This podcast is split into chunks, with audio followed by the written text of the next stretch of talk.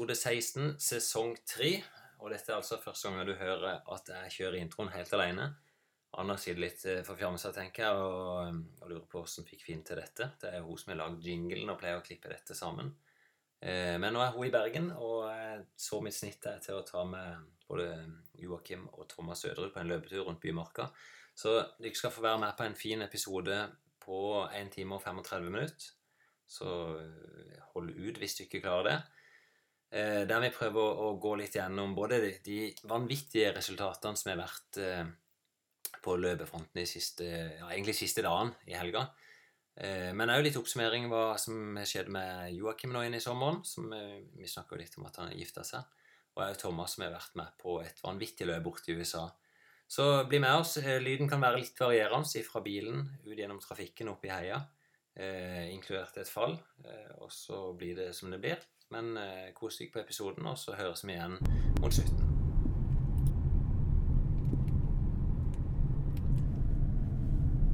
Se der. Um, god sommer, folkens. Nå sitter jeg i bilen og skal ut på en litt lengre langtur sammen med Joakim og Thomas. Thomas Øderud. Vi skal springe rundt Bymarka, så tenkte jeg jeg kunne ta med dere alle mann på på en sånn fin tur. Det har jo skjedd veldig mye moro nå i løpet av sommeren på friidrettsbanen. Eh, både for oss, selvfølgelig, men òg for mange av våre beste norske. Så jeg vet jo at det kommer til å bli mye hyggelig prat på veien. Og jeg tenkte at det, det må være en fin sommerepisode. Så nå er det søndag. Jeg tror vi er ca. 20. juli. Jeg fikk en melding fra Joakim for en times tid siden. Han sa at han skulle ut og springe da. så sitter i bilen, jeg parkerer på Kjøyta, og så springer han fra huset sitt. da, Så møtes vi mot hverandre. Dette er langs med Otra. Det er faktisk en del av sommerløpstraseen som vi, vi starter i. Og så er det oppe i Bymarka. Så i praksis den her eh, KRS Ultra, for det har liksom som har hørt eh, når vi spilte inn den, den er jo 21 km egentlig, den løypa når du springer fra Tangen. Nå korter vi ned lite grann sorterer bare med innspillingsenheten, så får vi håpe at dette blir bra. Og så hvis det blir mye søppel, så får jo Anna være med og redigere noe av det bort. Da starter jeg klokka. Jeg springer jo på Joakim sine supertrekk. og det var Sist gang jeg brukte de, var jo når jeg var med faktisk på akkurat samme turen med Joakim og, og Thomas. Da gikk Joakim på trynet.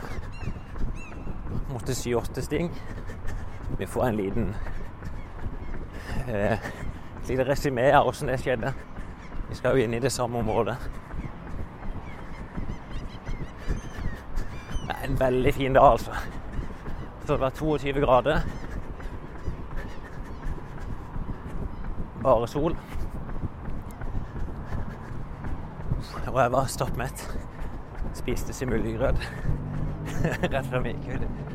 Ja, det forsvinner etter hvert. Følte meg bare litt studd.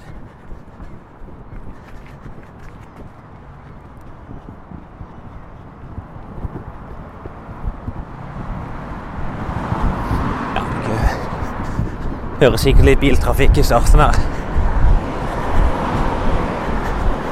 Jeg er bare akkurat over Oddernesbrua.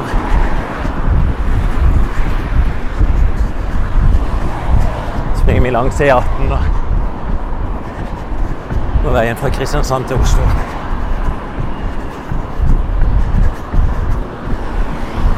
Ellers så blir resten av turen bare i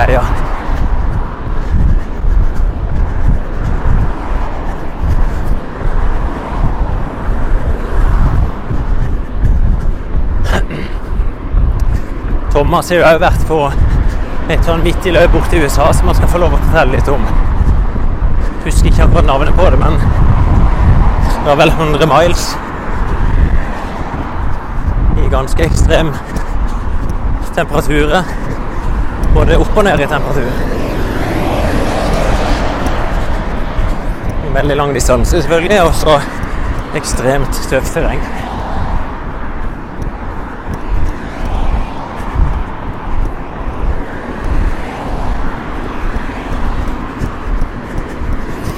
Straks ferdig med den brua. Jeg hører på meg sjøl at det ble litt sånn andpusten i starten.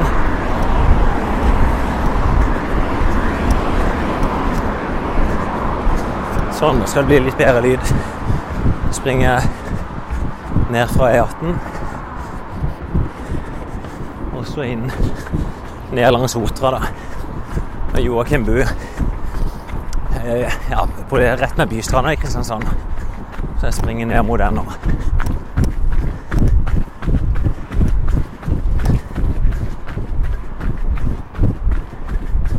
Det er en fin grusvei vel.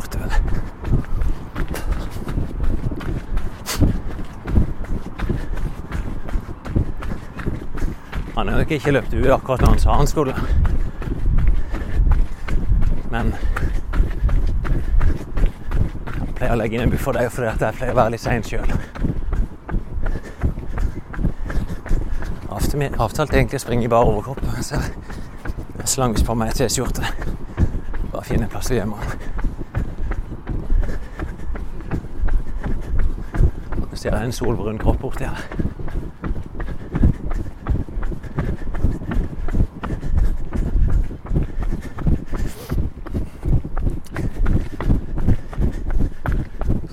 Vi er rett med noe som heter Rolfs Elektro. da.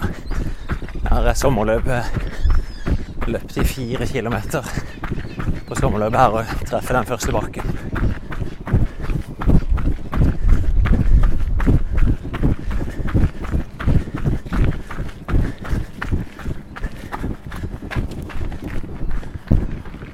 Se det, mister. Ser du det. har ikke holdt avtalen vår. Nei, for, det Du ringte meg for to ting. Det ene var at var det bare overkropp. Ja. Kommer overkropp, og du kommer i T-skjorte. Jeg skal hive det. Jeg glemte det rett og slett vekk. Ja. Jeg så Thomas òg kom der. Det er sånn jeg tilgitt til en bruker uh, Fibra løpeklubben skjorte. Og Scott Supertrack.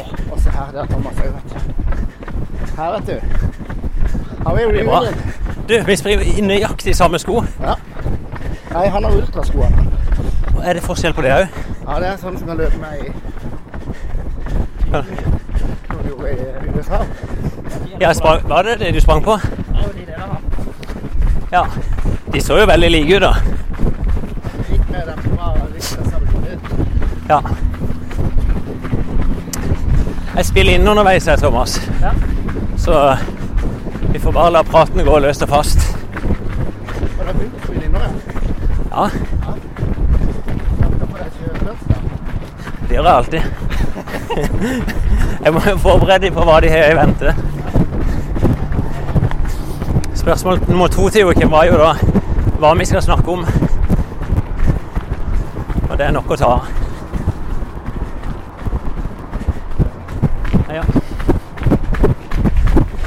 Men turen, det var bymarka rundt, var det ikke det? Og gjør det middag i syvtida. Jeg kom i peis teknikk rundt 1.30 sist eller noe.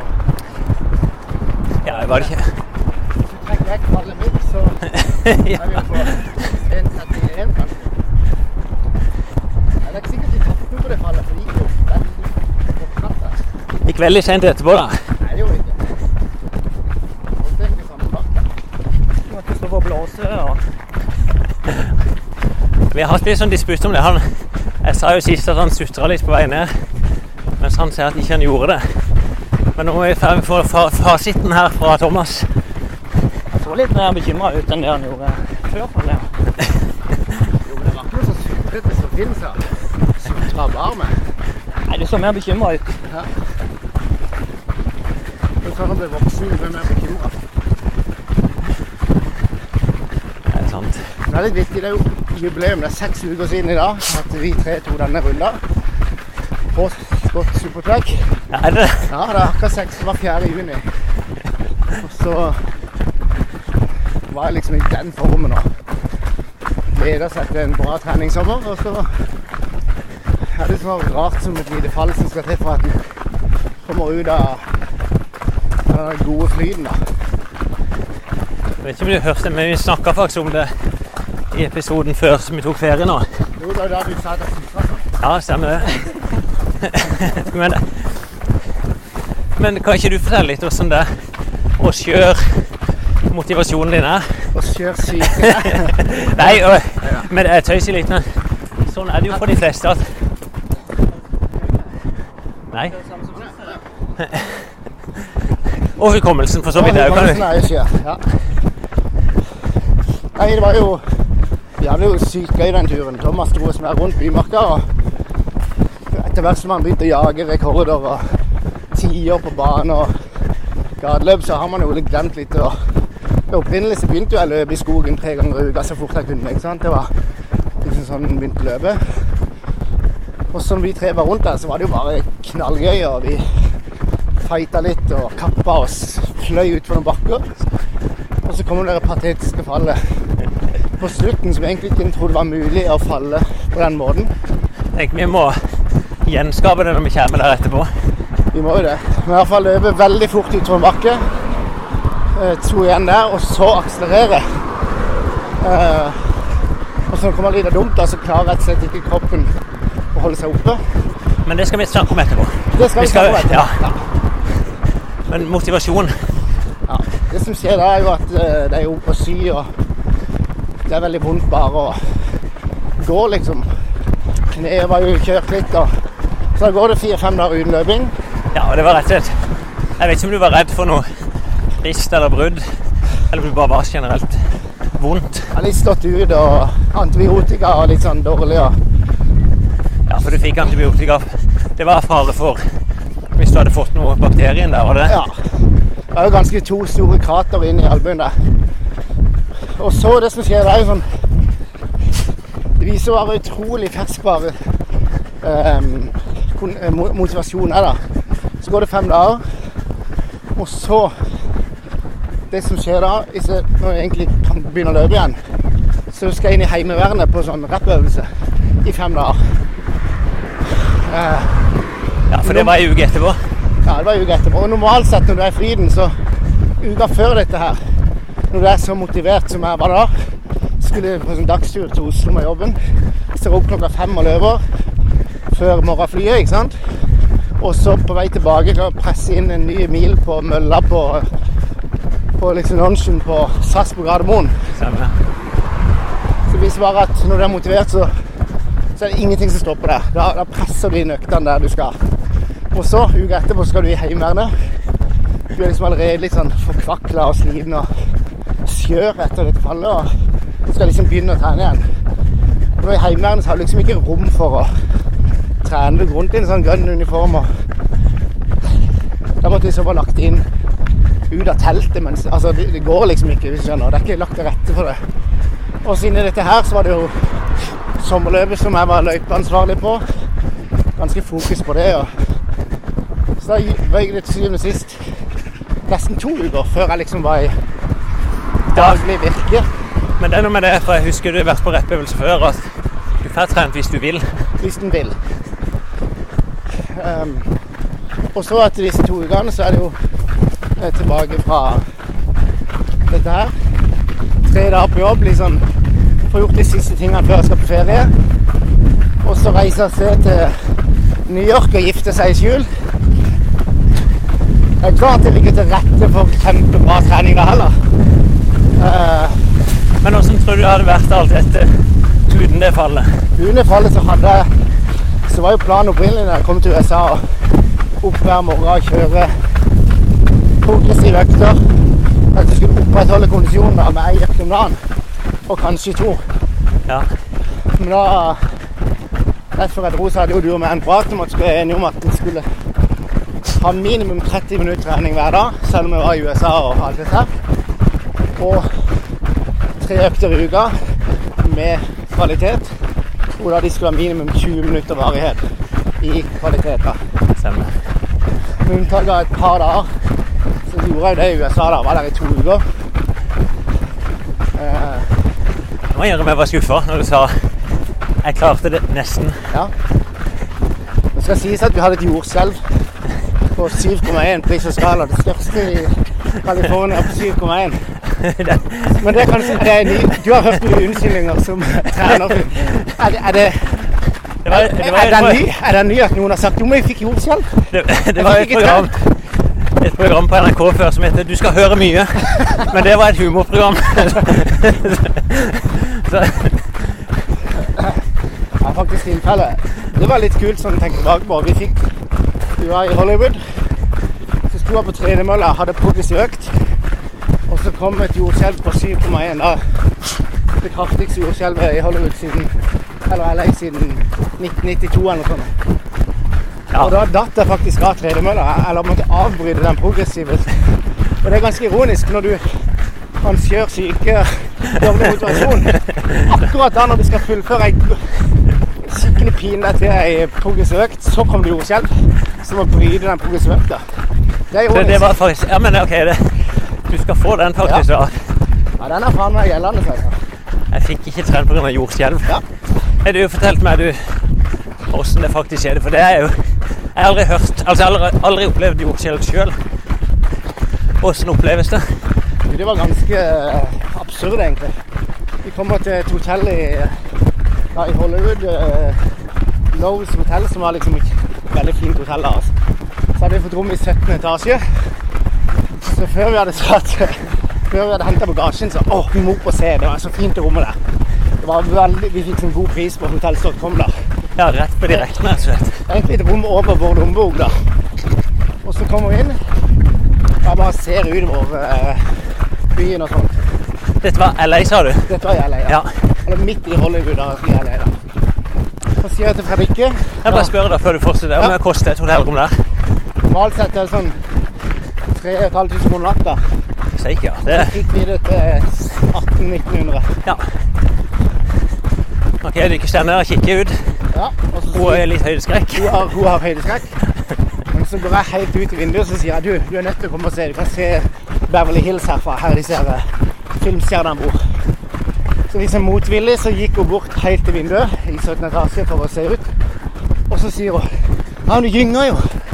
Se på gardinene. Gardinene sto svaia. Jeg, jeg bare ser for meg det.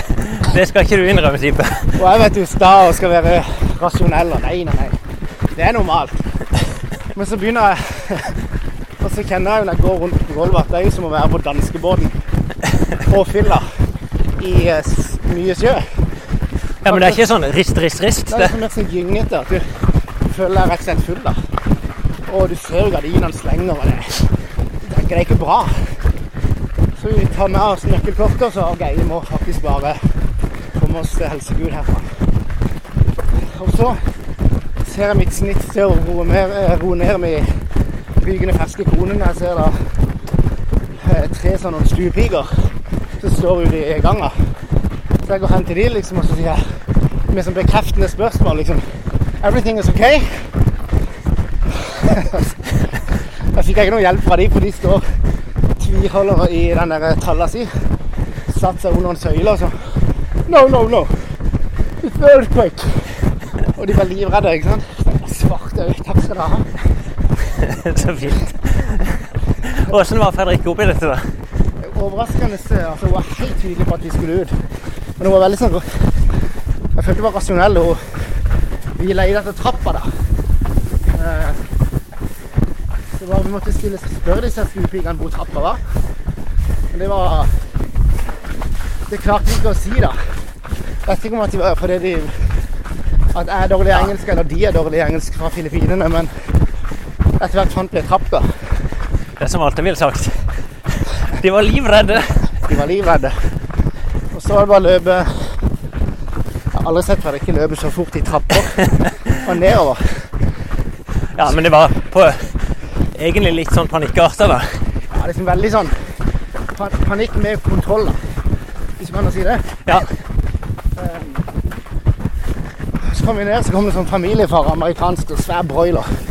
Og han liksom bare Alle dørene var låst, absurd nok. Skal vi se, det er vel opp høyre, er det ikke? Da bare sa han Let's get fuck out of here. Så sparka han opp døra.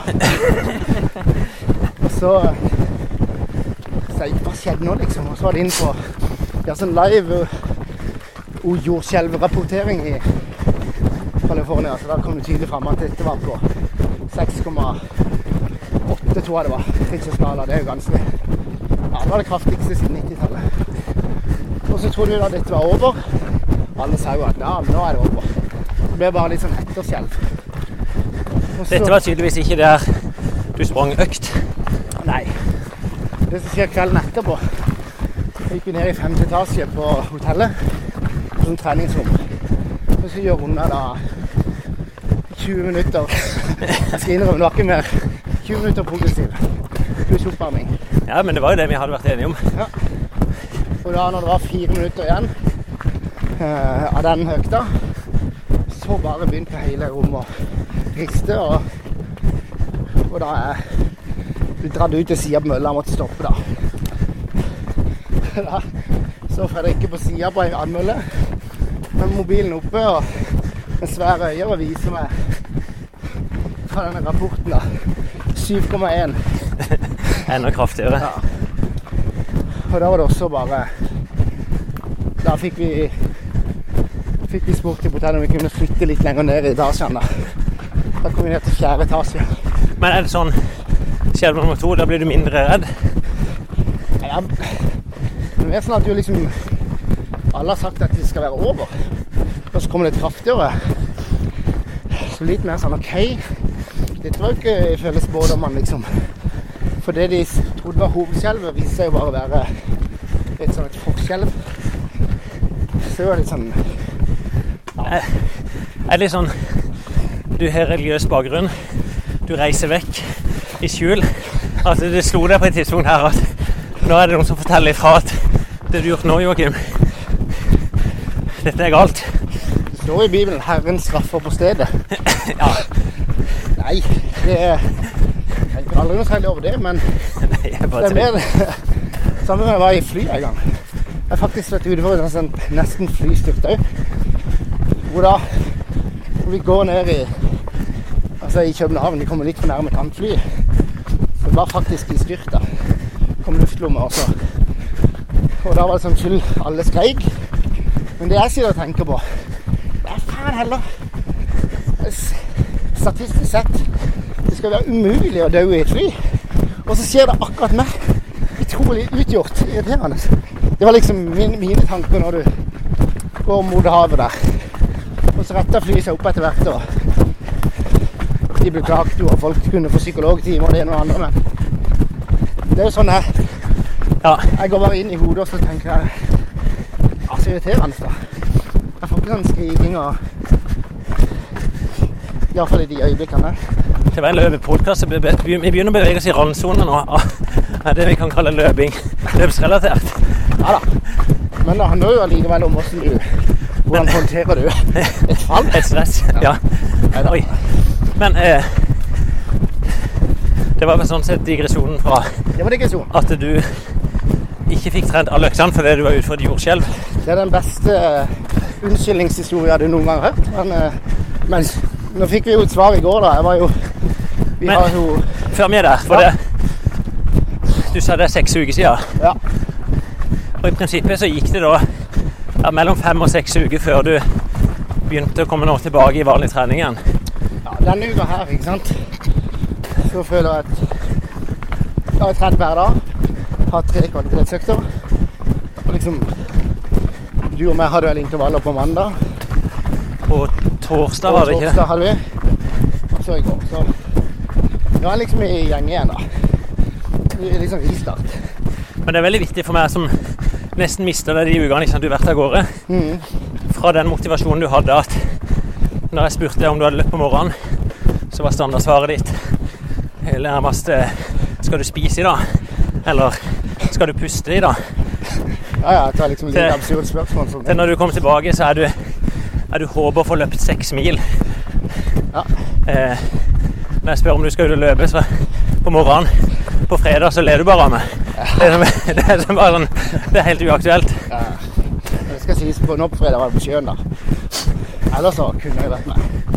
Men det er noe som skjer, Ja, ja. og det tror jeg egentlig alle opplever. Altså når du detter ut av bobla. Nesten ingenting som skal til, så er motivasjonen vaklende. Det er helt utrolig, altså. Det er så imponerende med disse eh, idrettsutøverne som satser. Jeg tenker Dette for oss er hobby, ikke sant? Eh, Mens de som lever for å lykkes i løpinga, f.eks., så blir jo en skade desto mer altoppslukende og forferdelig. Altså For de er det jo det det handler om. Så jeg kan bare tenke og ild hvor kjipt det må være, da. Ja. ja, jeg vet jo Utgangspunktet ditt for sesongen har jo vært å springe en tier på 31,59. Ja. Og det første målet ditt nå, det er 34,59. Ja, nå Det er onsdag. Jeg er jo ikke selvhøytidelig, sånn at til onsdag så har jeg lagt opp en 10 km på Kristiansand stadion, hvor jeg skal prøve å komme under 35. Hvor, eh, og flere med, da. Du skal også, og en som heter Kristoffer Rask, som ikke har vært under den grensa ennå. Og det er sånn økt som blir sånn Bare for å vise for seg sjøl hvor nivået er henne. Hvor brutalt ærlig det er. Og så har man et utgangspunkt. Det er gøy, da er det målbart.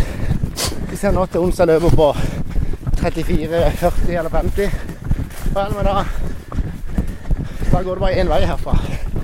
Og det er raskere. Det er en veldig fornuftig måte å gjøre det på. Og så er det liksom ironisk nok for åtte uker siden så var jeg harde på samme på 35 på stadion for noen andre. Og du føler nærmest er jogging. Altså du flyter jo bare. Ja, 35 er jo 3,30 på kilometeren.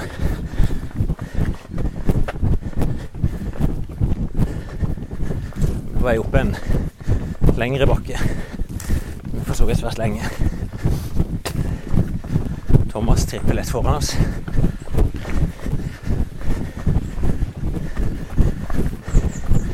Fortsette på toppen her. Det ble litt grann trangt. Den lever i skogen, så det er ikke så sosial, Thomas. Det er ikke plass til tre i bredda.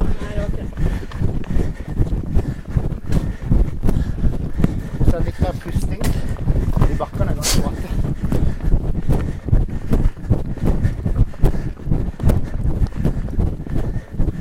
Det er ganske tøft terreng oppe i bymarka her.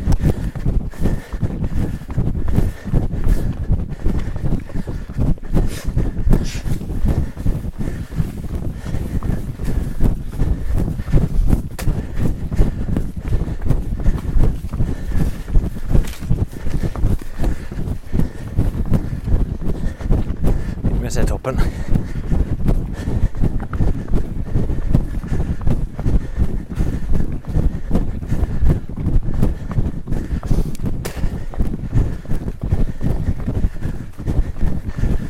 Puster fordi vi har gått trent, Joakim. Ikke så godt trent. Det er sant. Virker som det er Thomas som er lettest. Så jeg kommer tilbake til han. Vi er inne på det fine ikke sant, med når jeg skal tilbake igjen, da. Hva er det som er motivasjonen? Hva skal motivere en til å begynne liksom Du føler liksom du begynner på nytt. Det er jo Så gjør en jo ikke det. En gjør ikke det. Ser hvem det du har gjort. Du lagt en veldig så fornuftig plan tilbake mot 140. Kilometer uka. Ja, du skal vel bruke resten av juli nå Ja. til å komme opp der. Gjøre noen tester på hvor nivået ditt er. Ja. Så var det det vi gjorde i går. og det Vi introduserte jo podkasten til Jan Post og Christian Ulriksen. Den de kaller 'Breaking Marathon Limits'. Tipsa Joakim òg inn på den. Han har hørt noen episoder. Så i og med han skulle springe 10 km, så fanga han opp et råd. Det var vel i utgangspunktet Sondre som hadde gitt råd til Kristian. Ja, der gikk jeg rett og slett på snørra. Eh, innspillingsenheten den hadde jeg jo i hånda og datt ned i fjellet, så den gikk eh, i oppløsning nærmest. Eh, han delte seg, så jeg vet ikke hvor mye av klippet som forsvant. eh, Men vi fortsetter i hvert fall turen eh, når vi fikk eh, montert den sammen igjen. Og jeg tror ikke vi mister for mye, så jeg håper du kan kose dere videre på turen med oss. Den er slitesekk. Jeg sov jo sist. Den her hånda? Nei, den. Ja, den. Ja. Sånn. Så gikk vi på et fall her. Det slo i stykker i innspillingsenheten, som jeg håper at vi har fått med det meste. Det er tydelig så forbannelse over den løypa. Jeg falt sist. Nå falt vi inn med mikrofonen.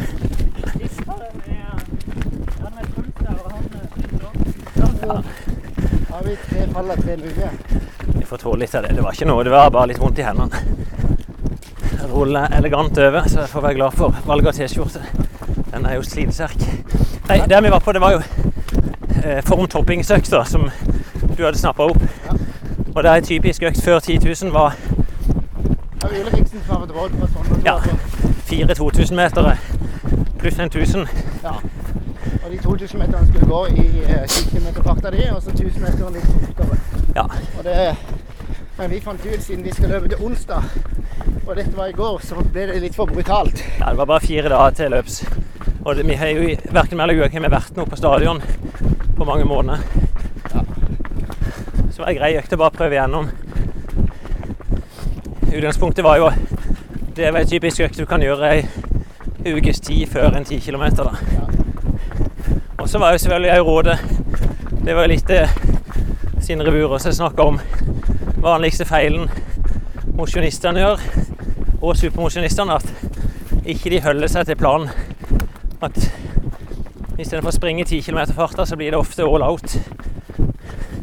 Men i hvert fall så Ambisjonen var tre 2000 meter og en 1000 meter, der vi satte egentlig veldig enkelt. Vi sa eh, 3.30 fart på kilometeren, altså 7 blank.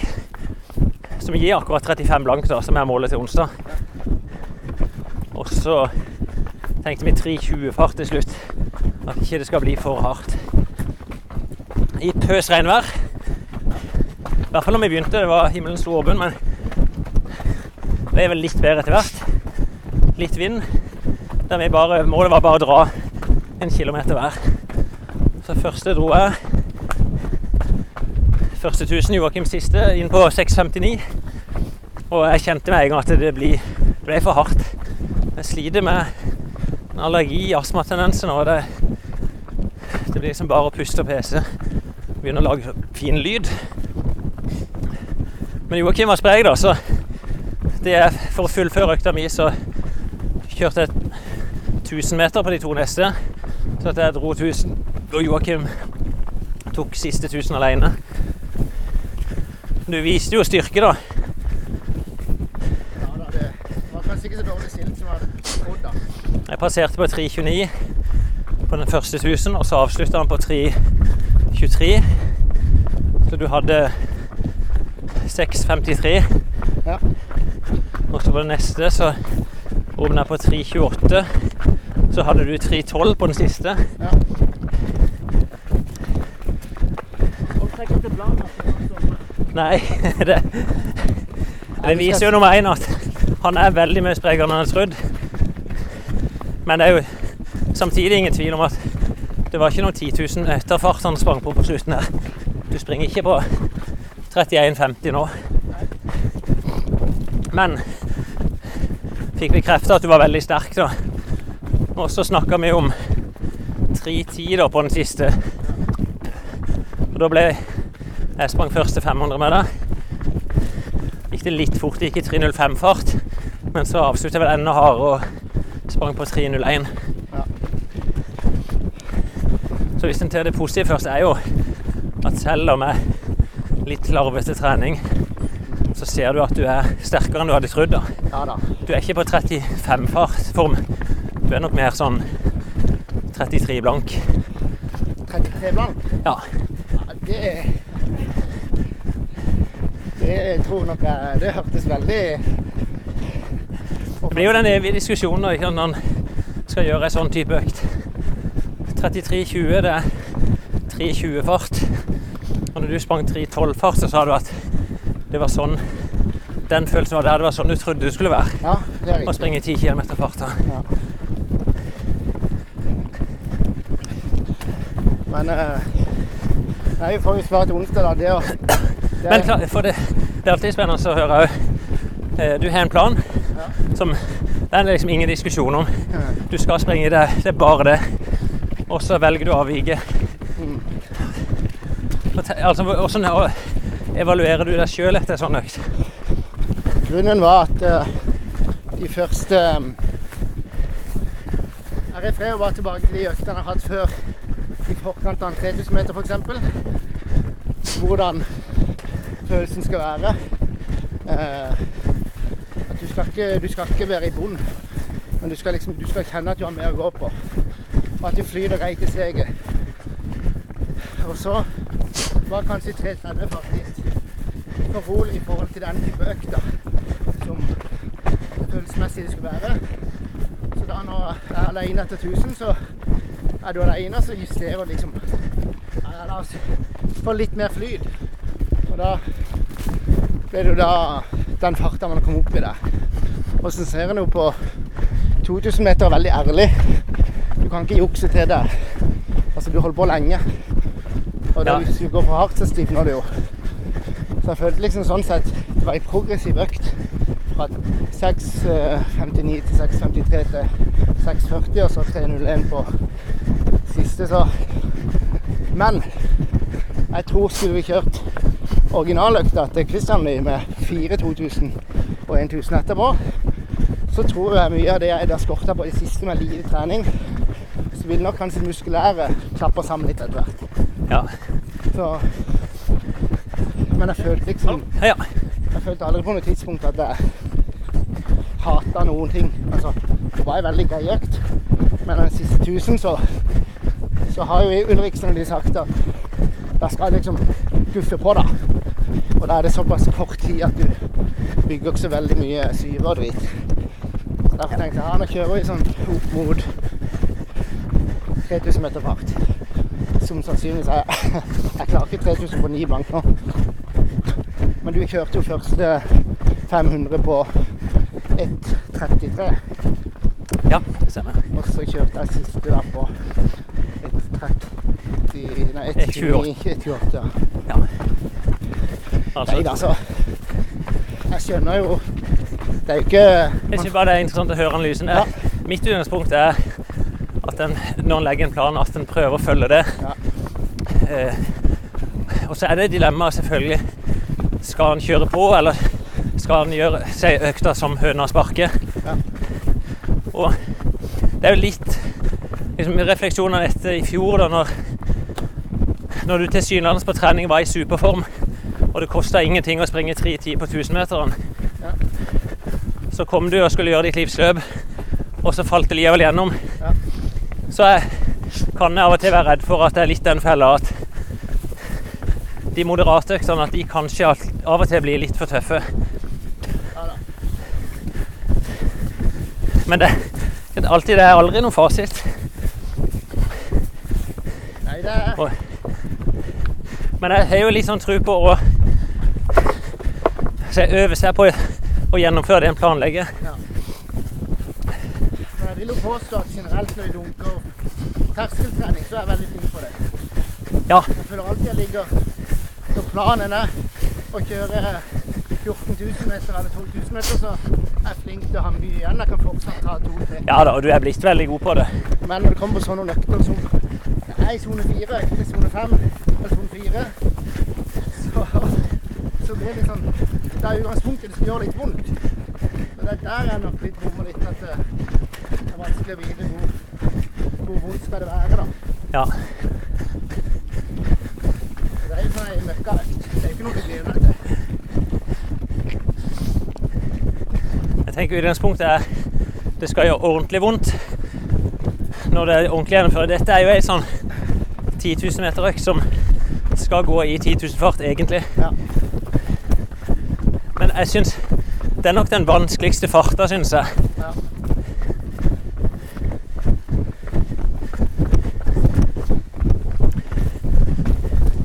Så får vi jo noen svar, da. Det, det blir spennende å se åssen Altså, jeg er jo ikke i tvil om at du springer lett på 35. Eh, Åssen det kjennes ut. For der er tanken å springe 35 uansett, er det det? Eller er det så fort du kan? Nei, Planen er 35, men jeg litt- har litt respekt for Kristian opp. Og han Kristoffer Ask som skal prøve kommunen for første gang. Ja. Eh, så Sist gang sa vi det. Ingen får lov til å løpe forbi haren før det har gått ni km. ja. Og hvis noen vil eh, kjøre på etter det, så kan de gjøre det. ja og da sprang de på 34,40. Ja, så de henta 20 sekunder på slutten der. Ja. Det var kanskje, De det litt å gå på, kanskje òg. Ja, det var ikke mye. To-tre sekunder kanskje. Ja. Det viser bare å ha det mer igjen. Du ser Jakob eh, i går på 5000 meter som løper siste runde på en 5003. Det viser bare at eh, historien gjentar seg. Det, det å ha en negativ smitt, det er det som ofte er best. Vi har jo hatt noen helt vanvittige idrettsprestasjoner den helga. Eh, det var jo denne helga nå som Jakob åpna ballet med å sett norsk rekord på 5000. Karsten Warholm fulgte opp med europarekord på 400 meter hekk. Så kom Henrik. Og det, det er jo absurd. Tredje beste tid i familien. Ny pers på 13-15. Så er det Gjennom historien så er vel det femte beste personen. Jakob Marius Bakken, Sindre Burås, Filip og så Henrik. Og nestemann på Nisse det opp på 13-19. Og så kom jo Filip i dag og satte norsk rekord på ei engelsk mil på 3.49. Og- Må det være det mest absurde friidrettshelga i Norges historie. det der. Ja, og rett før vi sprang jo så med at Karoline Bjerkeli Grøvdal sprang på en ny pers. Men det er jo internasjonalt nivå da, på var det 14,49? eh, Pluss-minus 14,50 i hvert fall. Det var 1450. Jeg fikk aldri med meg tallet der. Nei. Men det det er 1450, eller noe sånt. Vi har jo diskutert mye opp igjennom om det lønner seg med negativ splitt. Og jeg har jo alltid vært en forkjemper for det. Men det er jo altså det å springe fortere på slutten enn det du gjør på begynnelsen. Veldig sånn generaliserende sagt at de fleste mosjonister gjør det motsatte. At det går hardt ut, og du møter ofte folk som sier at det er greit å ha litt i banken. Men når du ser på de beste internasjonalt, så er det ikke sånn. Så ligger de ganske jevnt, og så springer de heller hardere på susten.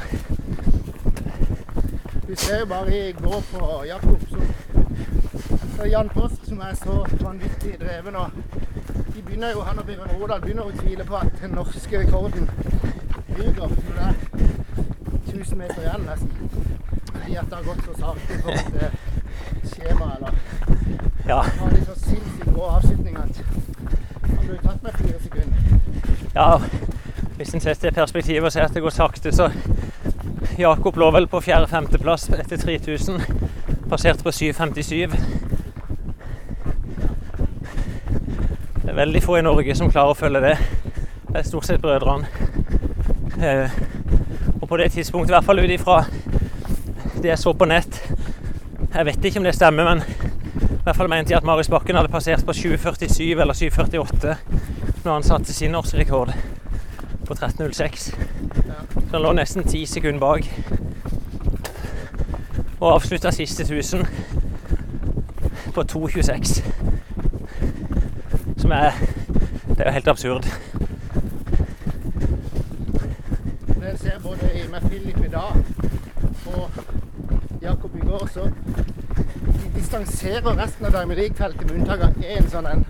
I dag var det Tefera som var oppe med, med, med Philip, ikke sant. Men det er liksom én de slåss med, og så er resten fullstendig aktivitet i Diamond League. Det er jo Ja, det, det er veldig interessant for oss trenere. det, For det,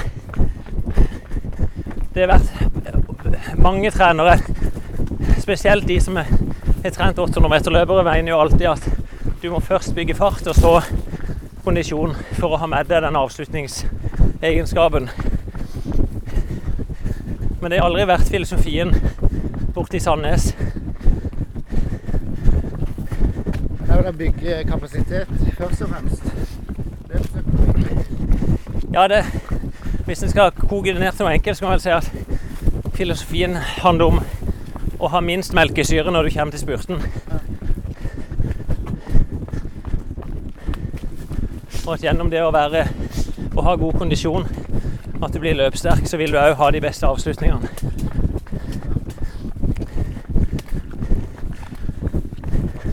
Og jeg så Oi.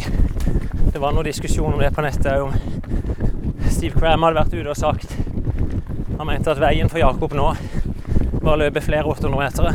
Jeg så det. Er du uenig? Ja, altså eh, Det som er åpenbart, er at de skal fortsette på det sporet de har begynt. Det funker. Det som er skummelt å begynne å rette blikket ned, det er lett å legge om treninga for å bli god på 800. Men det å konkurrere på kortere kan gi en effekt. Ja, nå hører du ikke meg puste. Heng litt opp.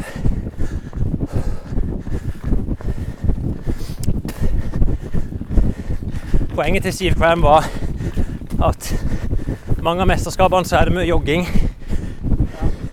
Og så veldig tøff avslutning. At gjennom å springe noen 800 meter, så får du mer av den treninga.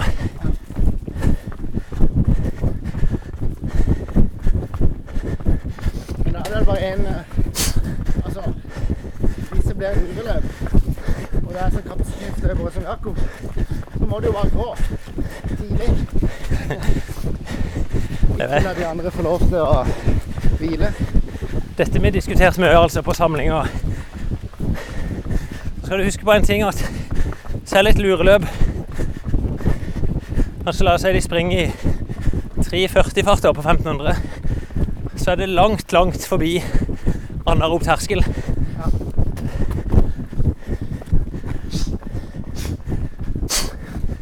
Jeg husker for noen år siden jeg fortalte Knut Kvalheim de hadde stått og sett på et NM på 3000 hinder der Pål Gunnar Mikkelsplass var med.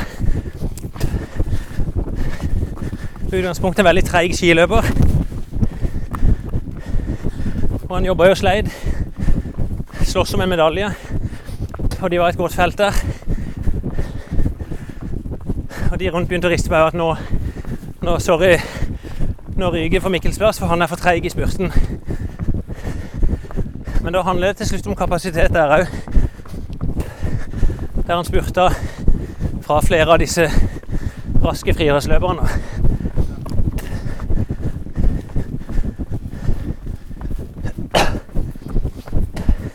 Og Det er jo det de sier sjøl gutta, at når de springer gjennom feltet på slutten, så er det normalt ikke de som øker farta. Ja. Men det er klart, på, på lengre distanse så øker de farta. Ja, beviselig. Og det er jo nesten absurd at hvis du ser på et mesterskap Den distansen de går saktest på, siste 200, det kan fort vekk være 800 meter. For der er de pinne stiv idet de starter spurten.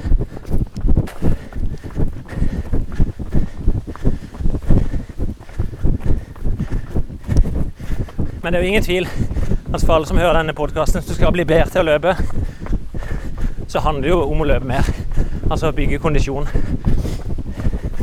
Så la oss se om du så blei ett sekund raskere, som er helt enorm forbedring. Det er jo 10, 10 forbedring for en vanlig mann. Det sekundet utgjør ingenting i forhold til hva du kan forbedre med å forbedre kondisjon. Sånn jeg blir Jeg vet ikke om jeg skal smile eller le. Du så jo en artikkel i, Det var i Feven i dag. Så var det bilde av en løper, ei løperdame som var blitt bedre. Og hun blir det av én grunn, forteller idrettsforsker. Eh, og det er jo sånn, Jeg klikker jo alltid innom disse sakene og lurer på hva, hva kan det være nå. Og da var det Øystein Sylta, som er en av de beste i landet på dette, som kort og greit oppsummerte jo hun er blitt bedre fordi hun har trent mer. og, det, og det For avisen er det 'shocking news'. Jøss. Jøss navn. Men det som er interessant, er at Øystein var jo veileder nå for en eh, hovedgave, hovedoppgave der de så på maratonløpere som de delte inn i, Det var 150 løpere som var delt inn i tre grupper. De som sprang under 2,30. Så snakker du nesten elite. En sånn sub-elite. Så de som sprang fra 2.30 til 3 timer, og de som sprang fra 3 timer saktere. Jeg vet ikke om du har sett studien. Nei, Men- men bare hørt på de som bruddstykker Ja, konklusjonen er veldig enkel. De som sprang fortest, de trener mest. De som sprang i mellomsjiktet, trente neste mest. Og de som sprang dårligst, trente minst. Og de prøvde jo å se på systematikk i forhold til intervallet, mengde på terskel. Der fant de ingenting. Det var liksom den eneste ting som bare de kunne konkludere med entydig. Mer trening gir bedre resultat. Og så er jo det Øystein skriver, da, at før du begynner å gjøre det komplisert, sørg i hvert fall for å trene nok. Hva er nok? Da vet vi at 15 mil i uka er minimum, i hvert fall. ja, internasjonalt så sier de 15-16 mil i uka i snitt. Ikke at den beste uka er det, men at det bare ligger og dunkes der. Og det gjør familien Ingebrigtsen. Det gjør Sondre Nordstad Moen. Han gjør det ikke, men det er nok dessverre sånn at når jeg har løpt best, så har jeg trent mest. Det er gjerne på vei til maraton du har persa på 10 km også. Det viser Ja. bare at da har du mye får du igjen for mengder. Antall mil i uka og god kvalitetsøkter. Det er det, altså. Men eh, Finn, vi har jo Thomas foran her som har vært i USA. Tripper er usedvanlig lett foran oss. Var du andre eller tredje nordmann i tidene som under et døgn, Thomas? mat. hva mener du? Vi må først inn på hva dette løpet er for noe. Vi har snakka litt om det før, og så en sånn recap. En liten recap, for du var Det var i slutten av juni du reiste til USA. Jeg møtte deg jo på noen økter klokka seks på morgenen. Da var du ferdig løpt og skulle inn i badstua for å forberede deg på jeg vet, Kan man kanskje ikke kalle det et av verdens hardeste løp, men det må jo være blant de 16 mil i tøft terreng. I hvert fall potensialet for ekstrem temperaturforandring. Kan ikke du skal ha det litt på sida her, eller fortelle litt? Litt om det hva det løpet gikk i, og hvordan du til slutt forberedte deg. Um, jo uh, Altså, det er nok ikke det. Det er jo ikke det lengste løpet jeg har løpt, men eh, det som er spesielt der, er jo varmen. Hvor varmt kan det bli der? Kan 40 grader er ikke unormalt. Jeg var jo sprang i Dubai. Jeg husker Det var jo noen og 30, og det For meg så føles det som umulig å holde på mer enn en time. Ja. Men du forberedte deg jo litt. Jeg forberedte meg veldig godt, syns jeg, på varmen. Så jeg hadde jo en, et regime på faste økter og løping med fem lag med tøy og Ja. Så det tror jeg funka veldig bra. Og badstue, sprang du i badstua da, eller satt du i badstue? Nei, det var passiv, eh, passiv i badstue, men som regel så hadde jeg løpt meg en tur først. Så kroppen er jo Kjernetemperaturen i kroppen blir ganske høy etter en time løping. Ja. Og i hvert fall de artiklene som jeg klarte å finne fram til, så viste det seg at uh, det nok var den enkleste måten å Ja. Også praktisk med tanke på at den Ja, kan slå to flu- flu- fluer i en smekk. ja. Rett og slett bare ut og løpe en tur, og så inn og sitte i badstua. Sitter du så lenge til at det er vondt, da? Ja, det er ikke noe særlig behagelig. Så jeg kom vel opp i til slutt, da. Ja. Og det Jeg merka at det hjalp veldig. Da fikk vi jo ikke de eh, ekstreme temperaturene som det kunne blitt. Vi var ganske heldige, men vi var nok godt over 30. 30 pluss. Det kjentes ikke ubehagelig ut på noen som helst måte for min del. Men jeg hørte bare noen som snakka om at du var borti snø mens du sprang der. Ja. Eh, Starten av dette løpet går i Squaw Valley, Ja. som ligger på 1800-1900 meter. Squaw Valley, det var vel noe OL i Squaw Valley på 60-tallet. Riktig. Uh, så starten går rett opp Slalåmbakken. Ja, for det var et sånn type løp som er tøft terreng. Ja, i, i forhold til det vi løper nå, så er det snilt terreng. Ja, så det er snillere enn dette. Ja, det er fine. Det er amerikanerne kaller stier. Det er ligner mer på de grusveiene vi har nede i banen her. Ja. Husker du Finn fra track race i ja. Vi og Joakim var på morgentrening i Central Park et år. Der hadde de en veldig artig sportsbutikk. Det var veldig løpsrelatert eh, retta med fellestreninger. Så klokka sju om morgenen så møtte vi for track run Nei, hva de kalte det? Var det trail running? Da sprang vi i Central Park, og de som har vært der, vil nok ikke oppfatte at det er veldig mye ulendt røft terreng.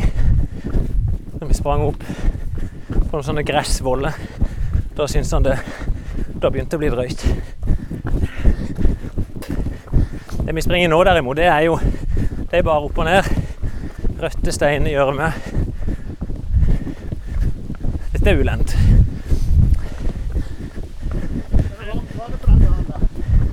løpet? Ja, for dette er ett. Det er én distanse ferdig.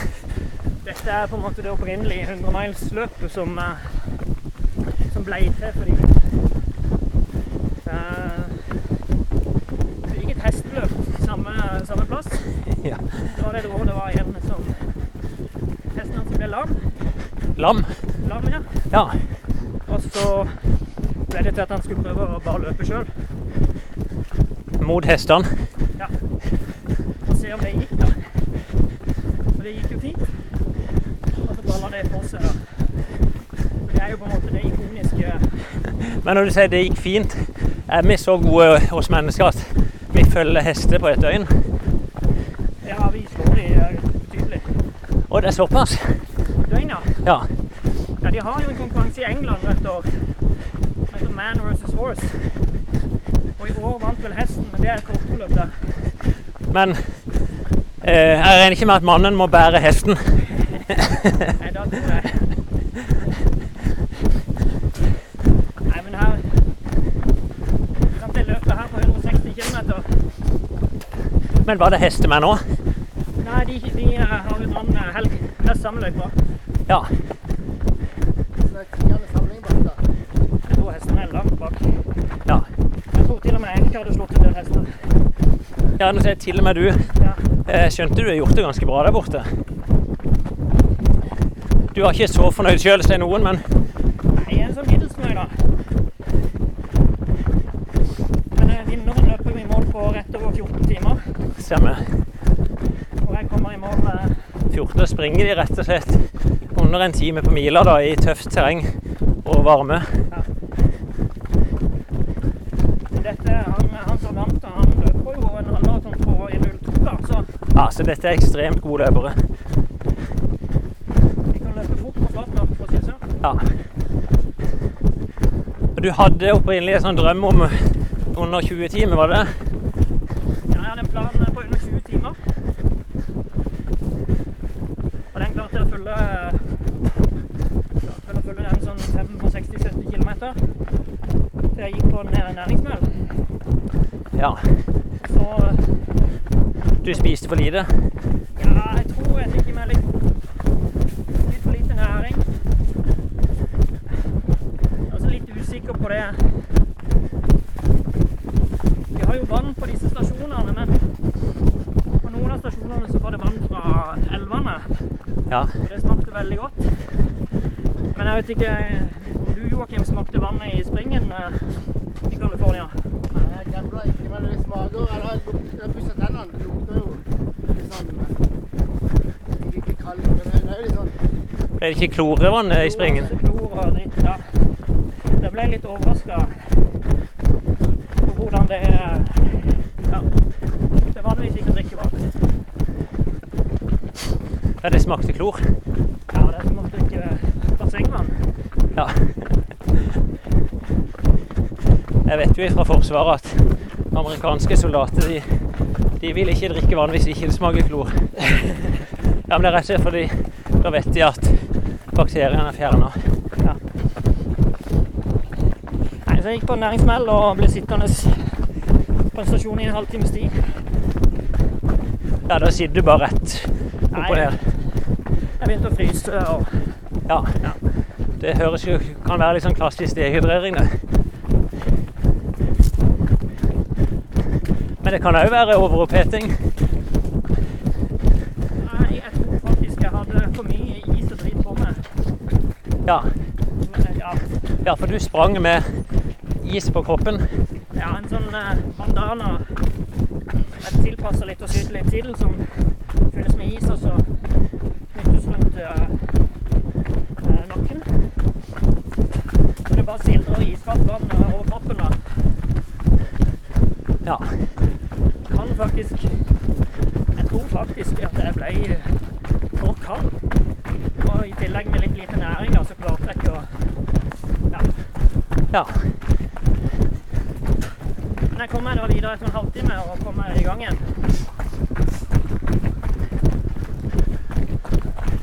Og klarte egentlig å løpe ganske greit til ja, 115 km. Ja.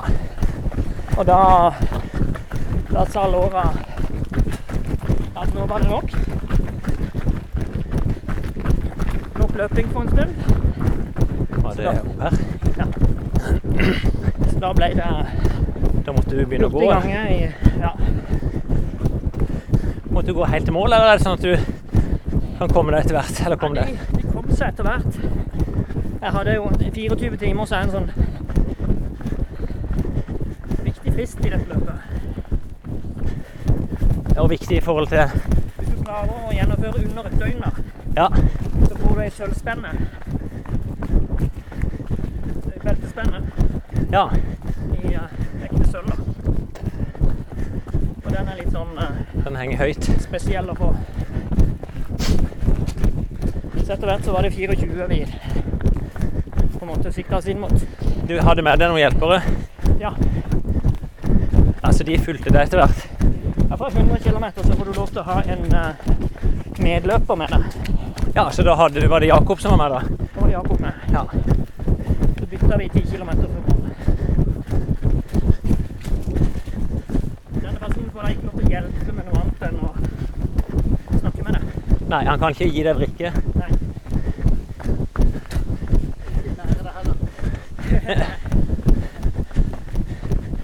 Nei, men da kom du inn på 23 timer.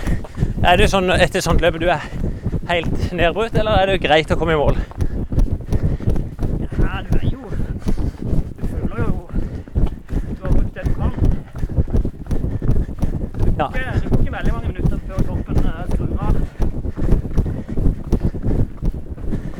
Systemet skrus har du er egentlig Ja. Så er ikke den store banketten.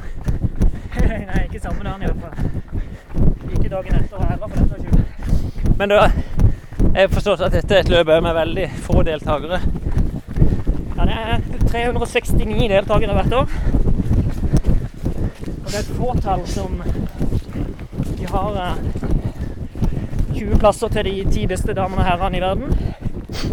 Og så har de ti plasser til vinnere av noen spesielle løp. Ellers er det bare ren loddtrekning. Ja. Og grunnen til tallet 369 Det var fordi eh, det året det ble i en nasjonalpark, så fikk de lov til å beholde det antall løpere de hadde det året. Ikke flere. Ja. Så du sprang, de springer da i en nasjonalpark, Ja, og den er så verna at de vil ikke ha for mye slitasje der, da. riktig. De får lov til å, be- ja, men de fikk lov til å beholde det de hadde. I og med at løpet starta før nasjonalparken. Men da er det et løp med veldig høy prestisje. Ekstremt høy prestisje. Ja. Er det sånn at det er veldig dyrt å være med, eller er det Absolutt ikke. Det koster vel 240 dollar, tror jeg. Ja ja, men det koster litt. Det gjør det. Men det er fortsatt billigere enn New York Marathon, som kan hente inn 50 000 til deltakere. Mange 3000. tror ikke de gjør dette for pengenes skyld. Nei. Det som er utrolig eh, spesielt her, da, er jo at måneder før løpet så fikk jeg en e-post fra en egen sånn liten frivillig gruppe som vil prøve å se om de kan hjelpe de internasjonale løperne med ja, det de trenger. Og så vi fikk kontakt med en person og fikk eh, overnatting og eget gjestehus. All hjelp vi egentlig kunne tenke oss. Ja. En veldig sånn der familie... Ja, det høres jo veldig artig ut. Åssen, i forhold til de forberedelsene du gjorde, hva var det du følte du traff på, og hvor er det du ville forandre på noe? Jeg tror jeg traff veldig godt på varmetilvenninga. Ja. ja, så du følte det var en god effekt av den badstue- badstuetreninga? Jeg hadde, jeg hadde blant annet en løpetur sammen med Jakob og han eh, Pål, han som vi bodde hos et par dager før. Da var det vel et par og 30 grader. Vi løp ikke så veldig langt, men når vi var ferdig, så var jo Jakob bare en eneste stor Han sto bare og svetta, og det rant som bare det. Ja. Og jeg var helt tørr og fin og syns egentlig det var helt greit. ja. Og du og han trener jo mye sammen Ja, men han eh, til vanlig. Har da ikke gjort noen badstueøkt? Nei. Nei, så du fikk egentlig en bekreftelse på at ting hadde fungert. Ja. Uh, det andre som er spesielt med det løpet, er jo at det er veldig mye nedoverløping. Ja. Det er 7500 høydemeter ned. Men Ja. bare 5500 meter opp. ja, så du kommer i mål på bakkenivå cirka, eller på havnivå? Ja. All den nedoverløpinga, den tar jo ekstremt på eh, Det er nesten, nesten som å springe ned fra Mount Everest. Ja. Ja, det er skjønt på de ultraløperne at ofte det er det, er det som er den store utfordringa. Så det er jo kvadriceps som egentlig får eh, mest juling etter hvert. Ja. Eh, og det er jo annerledes før dette løpet kontra det jeg har gjort før, var at jeg prøver egentlig å få med litt nedoverløping hver eneste gang jeg var ute og løp. ja. Hvis jeg løp til jobb, så løper jeg alltid oppom Hømreia skole. Ja, som er Ja, du henter kanskje 50 høydemeter, Jo, men ikke sant? og så får du Ja, men du gjør det bare bevisst, da. Ja, så får jeg banka låra på vei ned til broa. Men det er jo ikke mye. Tanken var å gjøre det litt hver eneste gang. Mens det jeg har gjort før, er at jeg har eh, kjørt sånne litt mer ekstreme økter hvor jeg kjører 1500-2000 høydemeter bare opp og ned en slalåmbakke, eller Ja. ja, for det er egentlig alternativet. ja. Det vil jo være ganske likt som i et løp òg, der du må opp og ned. ja. Ulempen da er at da går det er det tre dager eh, hvor jeg ikke kan trene så mye. Ja. Men Det er jo liksom litt samme utfordring til et maraton at hvis du gjør den maratontreninga da for ekstrem, så må du betale i form av at du må ta dager fri. Ja. Og løsninga er jo som regel at du må bare ha en lengre periode å forberede deg på, sånn at du tåler det. Ja.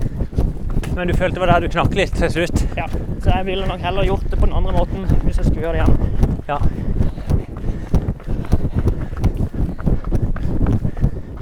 Nei, det bra? Og da ble du nummer av de 369 løperne. Eh, Jeg ble vel nummer 87, tror. Ja. Så vi er innafor øverste fjerdedelen. Ja, ja, det tror jeg. Ja. Og du sa det var noen nordmenn òg med? ja. Han var Sjølberg, ja. som også var og løp VM for ikke så lenge siden. Ja. Han ble nummer 18. ja. Så han var veldig høyt oppe. Ja, han leda Han leda etter et par timers løping. Men han eh, Han fikk det tungt etter hvert, han òg. Ja. Men han er jo betydelig bedre og raskere løper enn meg. da. Jeg er jo en mosjonist. jeg. Ja, i det selskapet der. Ja, det er vel alle nivåer der òg. Men er det noe, må du ha et visst nivå for å være med her? Nei, du må ha løpt et løp som kan gi deg et lodd. Ja. De er ikke nødvendigvis sånn kjempeharde. Er det noen norske løp som gir lodd i strekninga? Ikke foreløpig, men det kan være vi får etter neste år.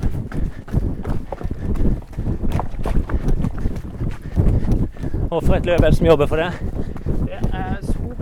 Moria til verdens ende. oh, ja. Det er et 100 meter. ja, like langt. Ja. Det er vel et poeng at det er noe som er tilsvarende. Men jeg springer med det av og til. Det virker som du er allerede bra henta inn og nesten bedre enn jeg har sett deg noen gang. Jeg tror jeg tror jeg. Det tror jeg absolutt. Ja. Nå har det gått tre uker, vel. Jeg føler meg ganske bra. ja, jeg vet jo etter et maraton så kan det gå tre-fire uker før kroppen funker. Ja. Men er det sånne svingninger Når ikke du løper så mange rene asfaltmaraton, men hvordan føler du deg hent seg inn etter sånt døgn på beina? Ja, det går, det går nok to uker med, med dype smerter, som du merker når du er ute og løper. Så jeg tar det veldig rolig i to uker. Ja. Første uka pleier jeg som regel ikke løpe noen ting. Og neste mål, hvis en skal runde av ultradistansene Nei, neste mål der Jeg skal til USA en gang til i år. Nytt løp. Nytt løp, ja. Og da snakker du virkelig sært løp. Ja. Jeg må høre. Det blitt en sånn liten farsott med noe som heter backyard ultra. Å nei ja nei. Er det det? Jeg håper ikke det er det jeg satt og snakka med Jack White om på sommerløpet. Det kan godt være. Der de springer på en parkeringsplass. Nei, nei, nei. Du har sikkert hørt om det. Ja, i New York, da. Er det 300 mil de springer? 3000 miles. 3000 miles, altså 4, 45 mil. Rundt og rundt på en parkeringsplass som er, er det 500-600 meter langt. Det er ikke veldig langt i hvert fall. Og så er det egentlig bare førstemann til å fullføre 45 mil. Det her er litt, eh, litt annerledes. Eller, ja, eller var det 450 mil? Jeg tror det er 3000, 3100 miles, altså 450 mil, ja. Du bruker jo en måned. Ja, det, det er jo enda verre. Men det, er- det, er, ja, det er ikke så sært, da. Som det. Men du skal løpe backyard, hva du kalte det? Uh, ja, det heter Big, Big Dogs Backyard Ultra. Og går i hagen til en fyr som heter uh, Gary Cantrell. Greit. Som går under alias eh, Lazarus Lake. Jeg håper han har en stor hage. Ja, han har en uh, stor bakhage. Så det er da ei sløyfe på 6,7 km Ja, det var inderlig godt. som du skal løpe på en time. For en time etter første start så går det en ny start. Ja, Så er meningen at du skal da stille til start igjen og fullføre innen en time. Ja så du må klare 6,7 km i timen. Det blir sånn hurtig gange på beviset. Ja. Så er det egentlig sistemann som klarer å gjennomføre ei sløyfe. Igjen. Det er noen som sier meg her at de kommer til å holde på lenge. I fjor var de på 68 timer, altså nesten fire døgn. Så da gjør han altså 68 repetisjoner av 6,7 km. Yes. Men da er det Blir det søvnmangel, eller hva er det som knekker de til slutt? Det vet du kanskje ikke. Det er jo, det er jo veldig mentalt, da, i og med at du starter jo samla hver time. Ja, Du tjener jo ikke så veldig mye på å løpe veldig fort. Annet enn at du kan få litt lengre pause. ja. Men hvordan de andre ser ut, da, om du Det er jo et mentalt spill. Ja, men bare det å holde på med noe i flere døgn er jo Du vil jo bli satt ut av søvnmangel òg. For det er jo begrensa hvor mye du vil klare å sove. Så selv hvis du jogger da i bare ta enkelt 10 km i timen, Ja. så får du deg kanskje et kvarter på øyet, da. ja. Men det er jo bra. Ja, men du skal klare å gjøre det òg. Ja, ja. Det, det tror jeg ikke er noe problem etter hvert. Kan du ta lengre pause, og så hente det inn på et vis at du Du må stå på start. Ja. Så du kan liksom ikke vente et kvarter ekstra for å springe Nei, nei, nei. inn i timen igjen.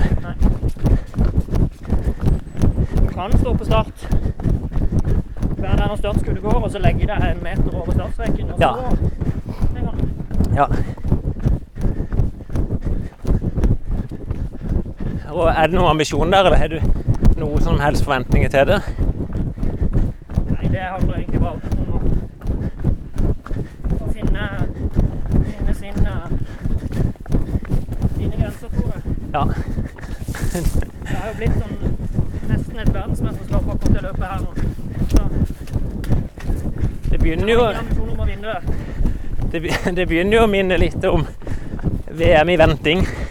Som Sølve Grotmål hadde, eller som vel KLM som hadde humorsketsj på det. Fra Dortmund Vartehalle. Men det, det er jo en veldig eh, Det er en annerledes form for uh, utholdenhetsøvelse, da, i og med at egentlig så har det ikke noe med hvor fort du kan løpe å gjøre. Nei. Og alle kan i utgangspunktet fullføre 6,7 km på en time. Ja. ja. Det er en god gang, altså. Labber du fort til butikken, litt fortere ned kanskje. Riktig. Den eneste fordelen du har, er jo at du kanskje får lengre pauser. Men det er ikke sikkert det er en fordel heller. Nei. For lange pauser er ikke bra, det heller. Men jeg er spent på hvilke forberedelser du skal gjøre nå. Er det Ja. Nei, ikke bare løpe mye, tror jeg. ja det, Hvor ganger tror du klarer? Hvor mange starter? Det kan det være 20?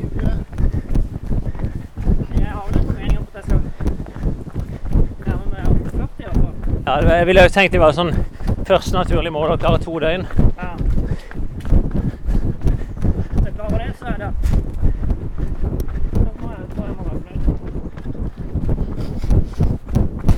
Var det ikke noe tilsvarende i Oslo? Eh, Vi var nede på det. Det var litt hardere. 10 kilometer. Nei, det var litt snø og litt hardere løype. Og Da ga vi oss på 15.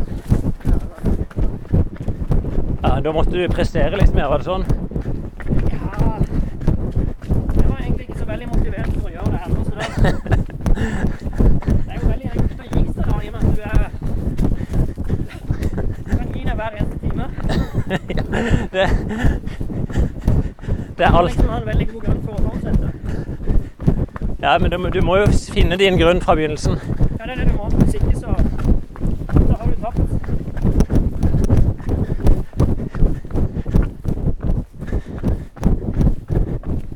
Sånne løp som dette har jo dukket opp ganske mange her i Norge òg. Ja, det, det, En del av de er har sånn 12 timers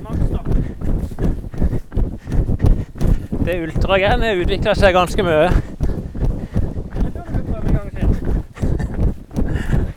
Var det venstre?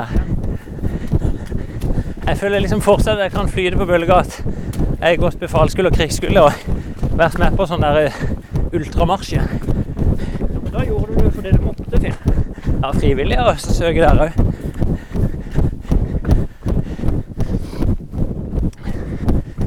Nei, men det, det er godt å ha noen i klubben som utforsker langdistanseløpernes løpernes irrganger. Er er Altså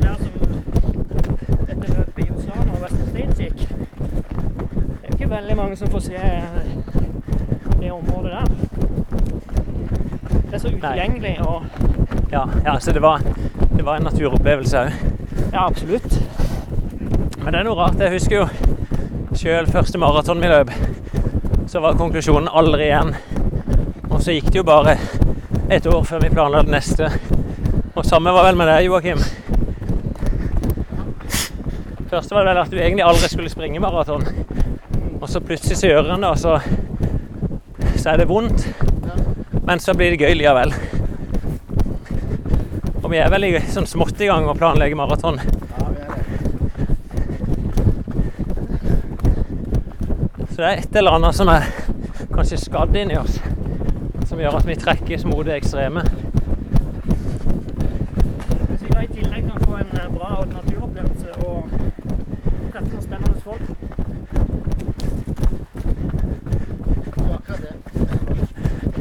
Men-. Men det er liksom til slutt, Thomas, så kommer du, vi kommer til å finne deg på denne parkeringsplassen. der, der du skal i solsteiken i New York. Springe 450 mil. hvis du lønner med den måneden så, så kan jeg gjøre det. Så er det det. Det handler vel om å finne noen sponsorer, så hvis det er noen her ute som har lyst å plage Thomas med en måned på en parkeringsplass, så koster det ikke mer enn rundt 50 000, så har de ikke han på lønningslista.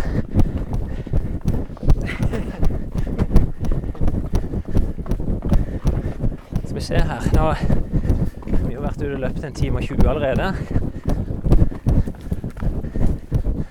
Etter det Joakim beregnte, så skulle vi holde på halvannet, var det det? 1,40. Nå er vi i den bratte bakken mot slutten av Kristiansand Ultra, som Tommy gruer seg til.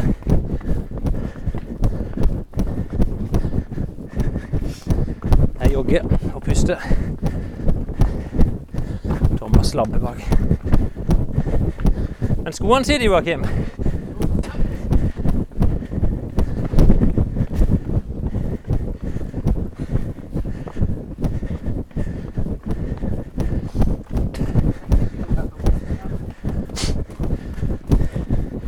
Altså derfor vi snubler, Joakim. De, de sitter like godt begge veier. Altså, Big-skoene de er sånn Du har sett Philip tryne i Han tok bronse i VM. Så faller han over streken. Ikke sant? Det er fordi at når noen dytter han bakfra, så henger jo fortsatt piggene igjen- i tartanen. Ikke sant? Og Sigurd, han falt over Du har ikke noe mulighet til å hente opp. Ja, hente opp. Så Sammen med disse traktorskoene her, at du limer seg fast. Jeg siste jeg så før vi sprang ut, så var det et bilde av Jakob når han kom i mål med joggesko på 5000. Jeg la ikke merke til det, i hvert fall, men Nei, det gjorde ikke jeg heller. Han hadde ikke piggsko. jeg bare så det bildet. For alt jeg vet, kan det være manipulert, at hun bare syns det er litt gøy å kødde. Men det er interessant det, hvis han har valgt joggeskoene. Det høres rart ut. Hvis du kunne se med et halvt øye etter joggesko. Jog- Joggesko sånn. Nei, sånne konkurransesko. Ja, ok. Men noen piggsko kan se ut som joggesko forfra. Særlig distanse-piggskoene. Opp til venstre. Du har jo eh, Nå nærmer vi oss jo fatale fallet ditt, Joakim. Jeg 10 000 meter på banen. Der er det vel selv ikke de beste, en del av de som bruker piggsko. Jeg tror ikke eliten gjør det. Men, altså, de springer pigg. Jeg tror det var noen tilfeller av de som rett og slett hoppa det. var- Vet ikke om jeg har sett det i mesterskap, altså. Men Sondre for eksempel var i London. Kan jo kalle han en eliteløper, kan du ikke det, Finn? ikke når han springer på 28. 28,05, var det ikke det? Må vel ned på 27-tallet før. Nei, må du ikke. Nei, det var veldig bra. Han er på vei Og han og joggesko. Som regel grunn for at ikke de gjør det, at ikke de har fått gjort de nødvendige forberedelsene. Ja. Også samtidig Det er jo ikke den store forskjellen, altså. Det er noen gram lettere sko. Det er litt bedre feste. Ja, Det er ikke noe Det er ikke noe sånn eh, tyveri av energi. Så det er ikke noe energi som finner understeget, da. Nei, det er klart de, de skoene de beste løperne springer på, er jo veldig lettløpsmodeller òg.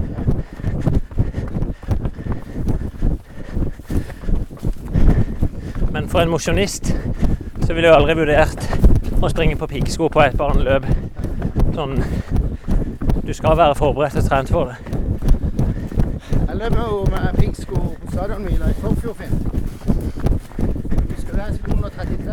Ja, Da fikk jeg kramper på 8,5 km stemmer det. og legge meg ned i følte liksom at det var så lurt. Det var så lett. og hadde gitt Ja, men- 3850 og Du, vil ha, du har en sånn veldig positiv greie av piggsko du. ja. Det er vel som når Northug-gutta får på seg skidressen. Når Ingebrigtsen får på seg speedsuten. Jeg føler det går fortere bare pga. at det er piggsko. At Ja, det, det er nok ikke så stor forskjell. Oi. Vi får hjem og studere bildene. Jeg har ikke fått sett reprise ennå av 5000-meteren. Ja, Av 5000-meteren. nei. Du så den på nytt, du gjorde det i går. ja, en ny gang i dag. Det har jeg tre ganger. Jeg tror ikke den rekorden blir stående i mange år. Det så ut som det er mer å gå på. Spørsmål for får noe nytt i år, da. Altså med mindre det skjer i VM-finalen. Ja, det er akkurat det som eh, De fleste mesterskapet de pleier aldri å gå fort. Det blir ofte litt luring, og det er jo ikke noen fartsholder som hjelper dem.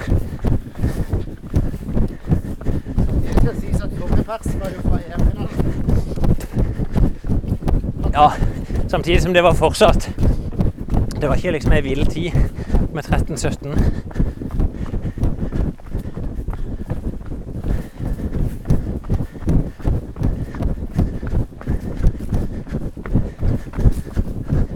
Skal være ganske konsentrert når en springer i bymarka her oppe. Det er rødt og stein hele veien. Den begynner å bli litt sliten etter hvert. Slurve litt. Det er mye gress som henger over stien her oppe. Vi har vært rundt hele bymarka. Begynner vi på nedstigninga da mot egentlig det som heter Baneheia første Bornekjønn. Her nede vi lekte oss litt sist, og Joakim mista seks uker med trening etterpå. da. Og det må du nå veldig. Jeg visste i prinsippet ei, men så Så var det liksom sånn Andre som gjorde det.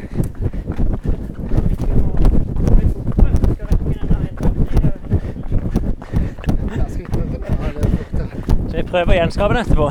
Vi ser at fort du tør å springe ned der.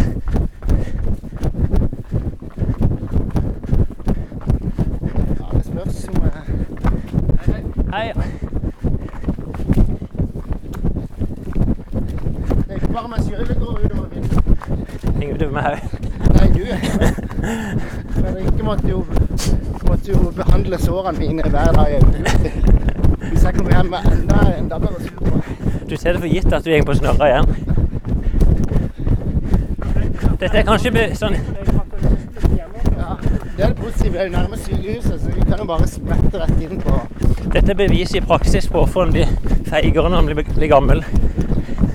Som stadig trekker seg fordi at en har gjort noe feil. Det er å lære av feilene. sine. Jeg tror problemet kanskje er at du innser at du ikke vil klare å holde følge. Da har du satt i gang villdyret. Nå blir det faen meg duell. Bare et minutt, så er vi der nede. Først noen steinete utforbakken. Det var her vi begynte. Her vil seg utfor. Slapp seg utfor. Sprang Joakim til venstre, jeg sprang til høyre her. Det gjør han nå, ja.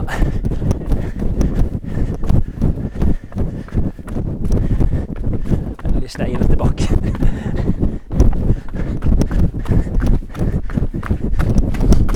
Er vi nede på grusen? Her var det en kamerat av meg som vrikka beinet noe vanvittig for mange år siden. Ja, vi har altså på en litt finere grus. Kan det være halvannen-to meter breit. Og så slynger det seg ned.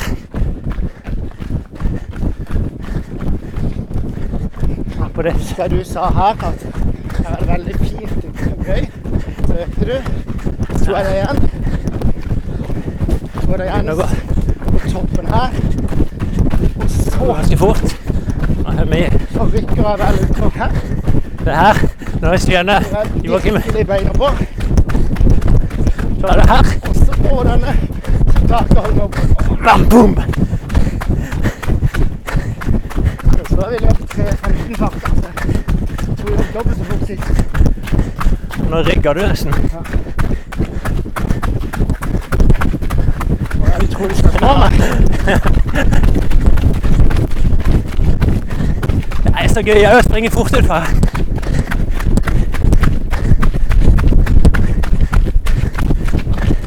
Det er bra.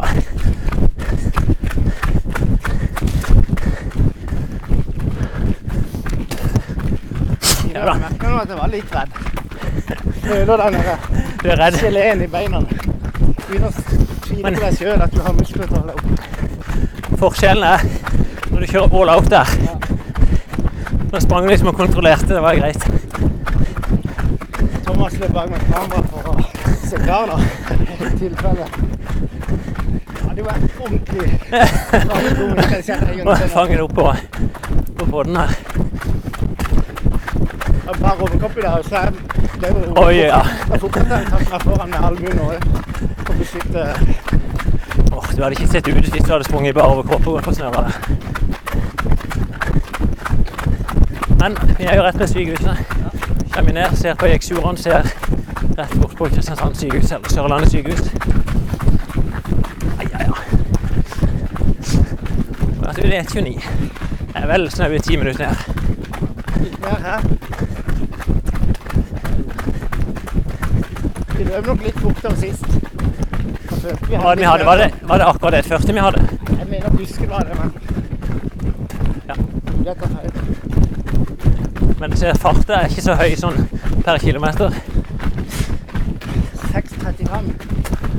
i snitt. Ja. Det er ganske bra det inn i skauen, sånn som det. Ja. Det er ok, absolutt.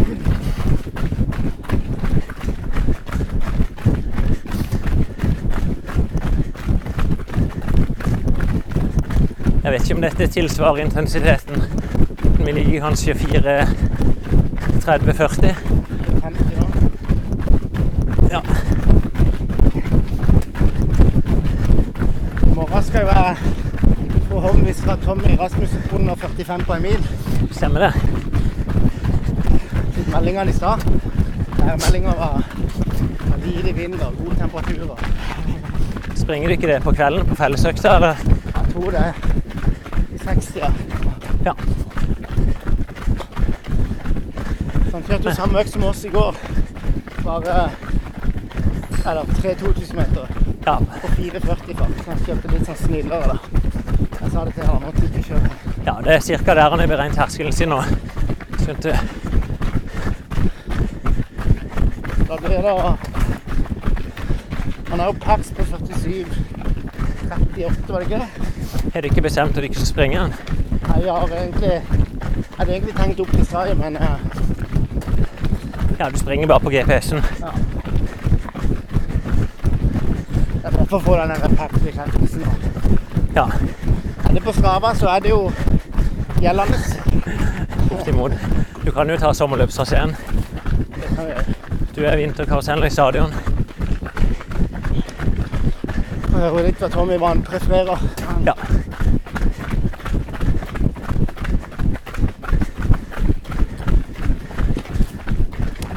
Men han ser jo stadig ut som en løper, eller bedre ut som en løper. Ja, han gjør det.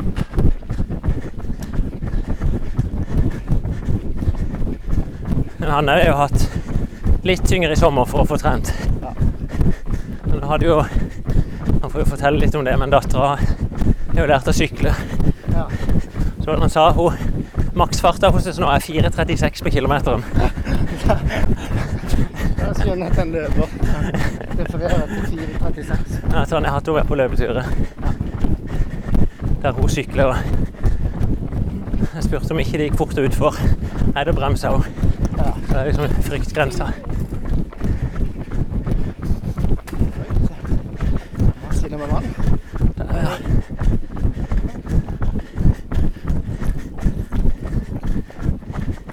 Vi snakka jo om det sist. Eh, Ja, tusen takk. Det var litt bedre enn det klorvannet. Det er kanskje det vi fikk nå.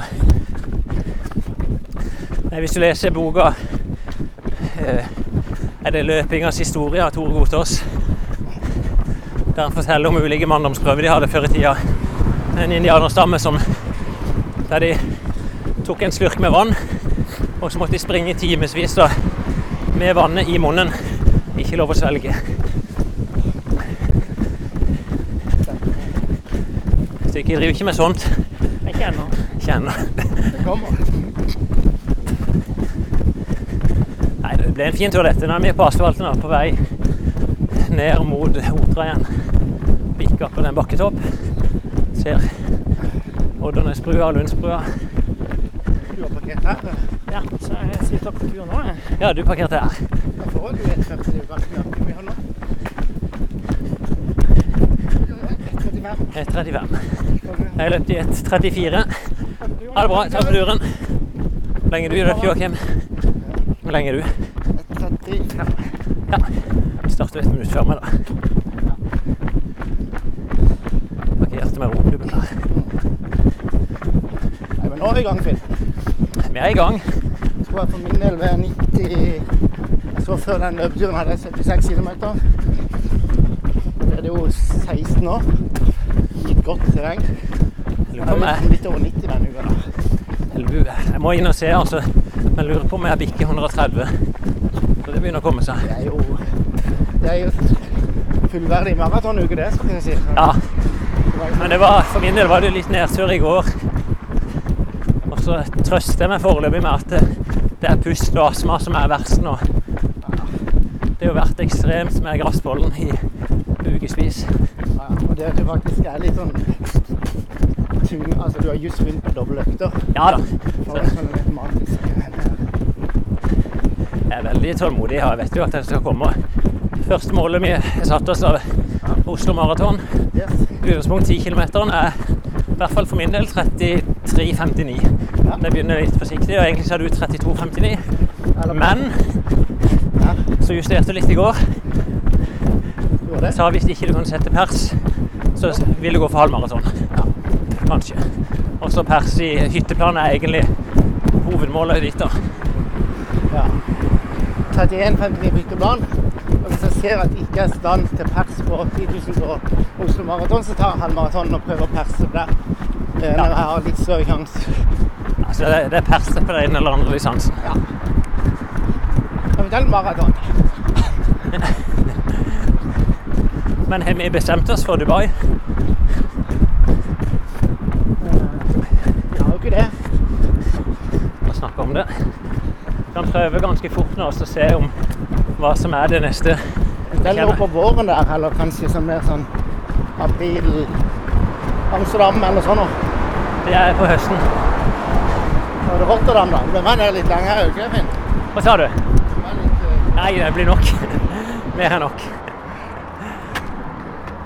Så er vi og kikker her. Jeg har to minutter igjen, og du har fire. Ja. Det var en fin tur.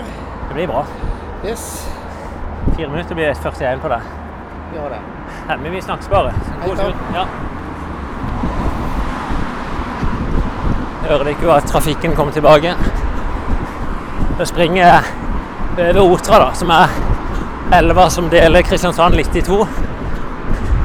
Den kommer faktisk helt opp fra Hovden og gjenger 20 mil nedover Setesdalen. Det er veldig fint her. da. Det er selvfølgelig litt forstyrra av biltrafikken i 18, men det ligger veldig flotte grusveier som gjenger på begge sider av Otra. Og det er jo her vi har sommerløpet som synges her rundt. Jeg ser Joakim da i bar overkropp forsvinne nedover.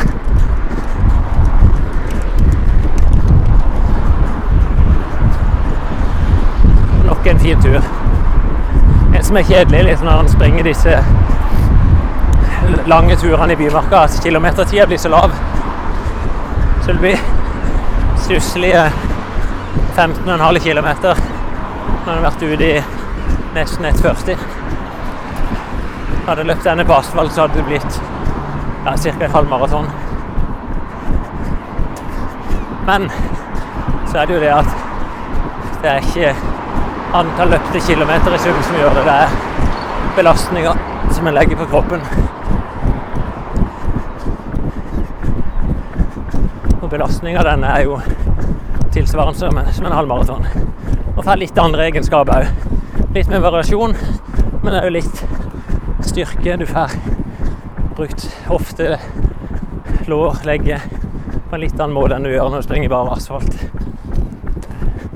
Jeg tror det er fint å bruke begge deler. Så håper det ble en fin episode. Skal se om jeg bare kan klippe det sammen når jeg kommer hjem og legger det ut. Og hvis jeg får det til, så er jeg nede på stadion på onsdag. Så skal vi være med på det testløpet der nede. Så ser jeg bilen. 1.38,45. Ja, og jeg fikk jo tydeligvis miksa dette sammen. Eh, hvis du var så eh, flink å lytte deg gjennom alt dette jeg, skjønner jo at det er veldig mye lyd underveis. At eh, jeg hører det dunke og slamre mens vi springer. Men eh, takk for at du holdt ut. Og så høres vi i episode 17 forhåpentligvis allerede på onsdag. Så fortsatt god sommer.